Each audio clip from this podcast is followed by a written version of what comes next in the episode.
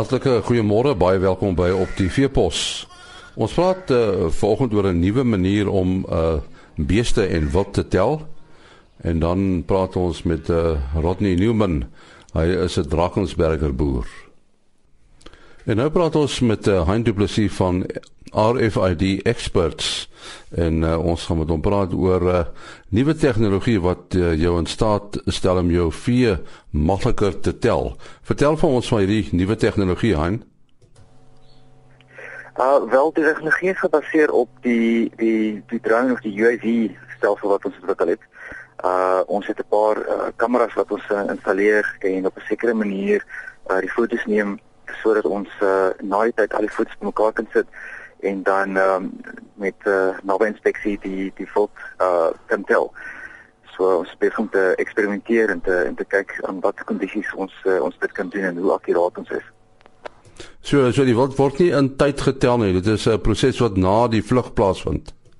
Korrek, 100% ja. So ons neem die foto's voor die tyd en ehm um, na die tyd kyk ons na die na die dokumentasie of die of die foto's uh om te bepaal wat die wild waar die wild is en en hoeveel wild daar is. Hoe word bepaal hoe hierdie uh, afstandbeheerde vliegtuig vlieg? Ehm um, dit hang af van die die tipe uh diere wat getel word en uh die ehm uh, die die kondisies ehm um, die die bome en die bosse uh weet wat wat toegelaat word uh in verskillende hoogtes. So um, ons uh, vlieg gewoonlik so 50 60 meter bo die grond in 'n in 'n in 'n ehm 'n roostervorm, 'n gridvorm en um, op en af um, so 100 meter uitmekaar uit en dan het ons die uh die kameras se se foto's wat ons nou mekaar sit na die tyd. En as jy mens nou in bergagtige gebiede wil tel, uh, hoe gaan 'n mens dan te werk? Ehm um, dit is nie 'n probleem nie solank die die ehm um, die die opdragte nie te styl is nie. Ons het uh funksionaliteit op die uh, op die drone om die terrein te kan kan volg. So ons het 'n kaart wat ons laai uh op die die autopilot en um, hy volg die die terrein. So hy kan hy kan klim as nodig is en sak as nodig is uh om die om die bergagtige gedeelte of die hills te te volg en dan uh, sy hoogte te behou oor die grond. Is dit 'n diens wat jy lewer of doen die boer dit self? Koop hy self die stelsel aan?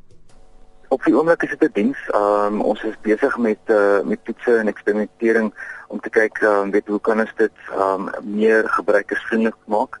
Ehm um, so ons kyk dan na dat dit op die ou end dit beskikbaar kan stel as 'n produk waar iemand dit kan uh, amper koop verkoop van die rak af en self kan gebruik uh, met 'n bietjie minimum uh, op maar op die oomblik ehm um, is dit uh, is daar nog redelike tegniese punte betrokke so ons doen dit maar self uh, as 'n diens. Nou nou wat is die voordele om wat te tel op die manier? Die mees ongelukkige voordeel is koste. Dit is 'n dit is 'n bietjie goedkoper om te tel.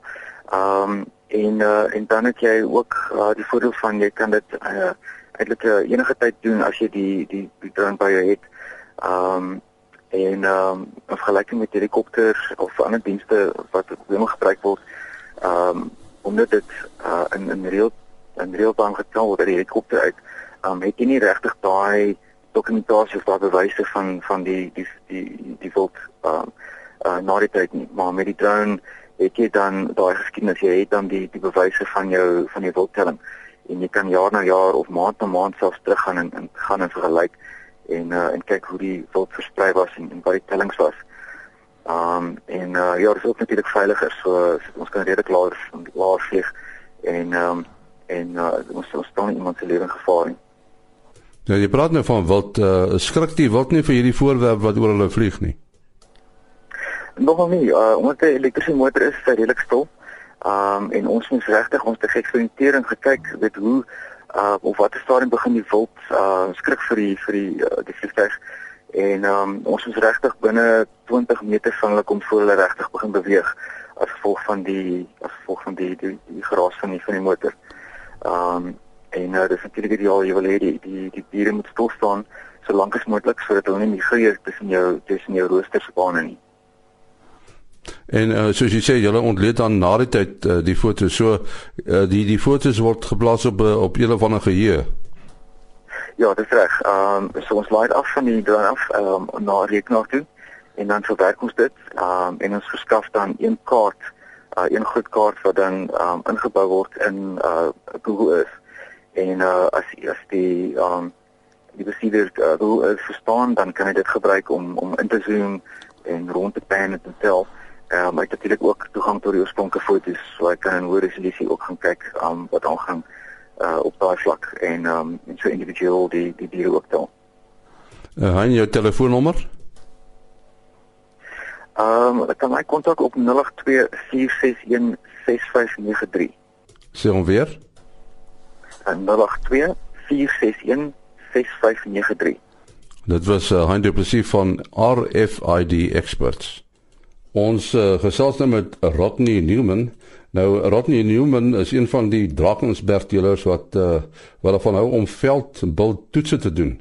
Nou ons gaan 'n bietjie met hom praat oor die die stappe wat hy gedoen het om die groei in sy uh, sy stoet te ver, uh, versnel en en te verbeter natuurlik. Uh, Rodney, die die groot vraag natuurlik, hoekom doen jy veldbiltoetse? En nie vir my vir my is dit belangrik om bulle te gebruik wat getoets is in dieselfde omgewing wat ek verwag my koeikudde moet in produseer en presteer. Wanneer jy veldbulle gebruik, sal jy sal jy vroulike diere teel wat aangepas is op die veld Die bonus is dat ons meer kalvers speen en dis 'n beter inkomste sal hê. En en wat is dit presies wat jy meet by by veldbulle? Watter belangrike eienskappe maak veldbulle uniek? Nou, ek gebruik die maatstaf van veldbul RSA om diere te selekteer. Die bulle word op die veld aangehou, eenmaal per maand geweeg en hulle kry elkeen elke keer 'n punte toekenning ten opsigte van uh kondisie, bespiering, temperament en haarkleed.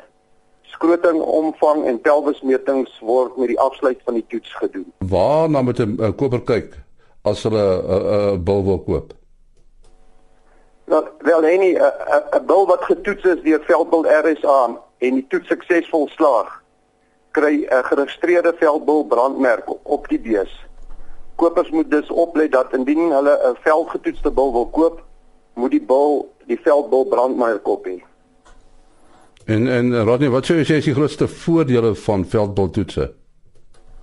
Vir my is die die grootste voordeel hê nie dat die die bulle meer koeie op die veld sal dek. So jy kan minder bulle per koei trop aanhou.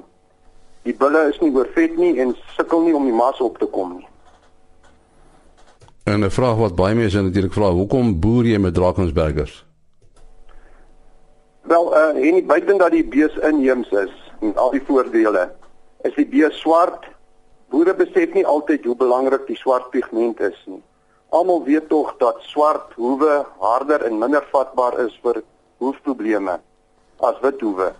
As jy die as jy in die natuur kyk, is dit ooglopend dat wilde diere in Suid-Afrika oorwegend swart hoewe, oë spene, neuse, skrotum en geslagdele het. Hoekom sal jy dan nou met 'n ander kleur bees in Suid-Afrika wil boer?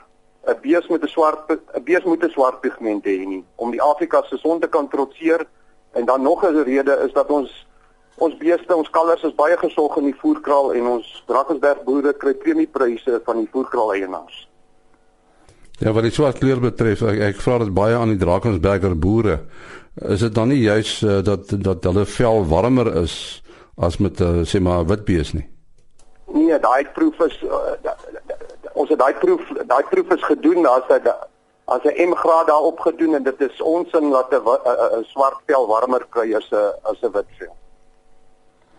Nou kom ons kyk 'n bietjie na die uh, die kalender vir die Drakensberger beestelers genootskap. Uh so vir die volgende 2 maande, wat wat is op die kalender? Wel nee, vir die volgende uh, daar is uh, daar is drie veilinge wat binne die volgende 3 maande plaasvind. Die, die die Buffalo Valley uh, produksieveiling vind plaas op die 27ste Mei in Carolina. Ehm uh, julle mense kan om John Roos daar skakel. Hy's ook ons ere president by 082 809 7941 vir meer inligting. En dan is dit ook die Rowers Drakensberg veiling wat op die 21ste Julie plaasvind in Ventersburg Daar kan gerus geskakel word met Danny de Pre by 083441 0214. En dan die 29ste Julie is daar ook 'n Karoo veiling en daar kan geskakel word met uh, Johannes Retief by 082 385 1821. Dan sê ons sê baie dankie aan Rodney Newman wat so 'n bietjie gepraat het oor oor die Drakensberge se veldbeeld toetse. Ook die einde van ons program tot môreoggend om 4 voor 5. Mooi loop. Ah.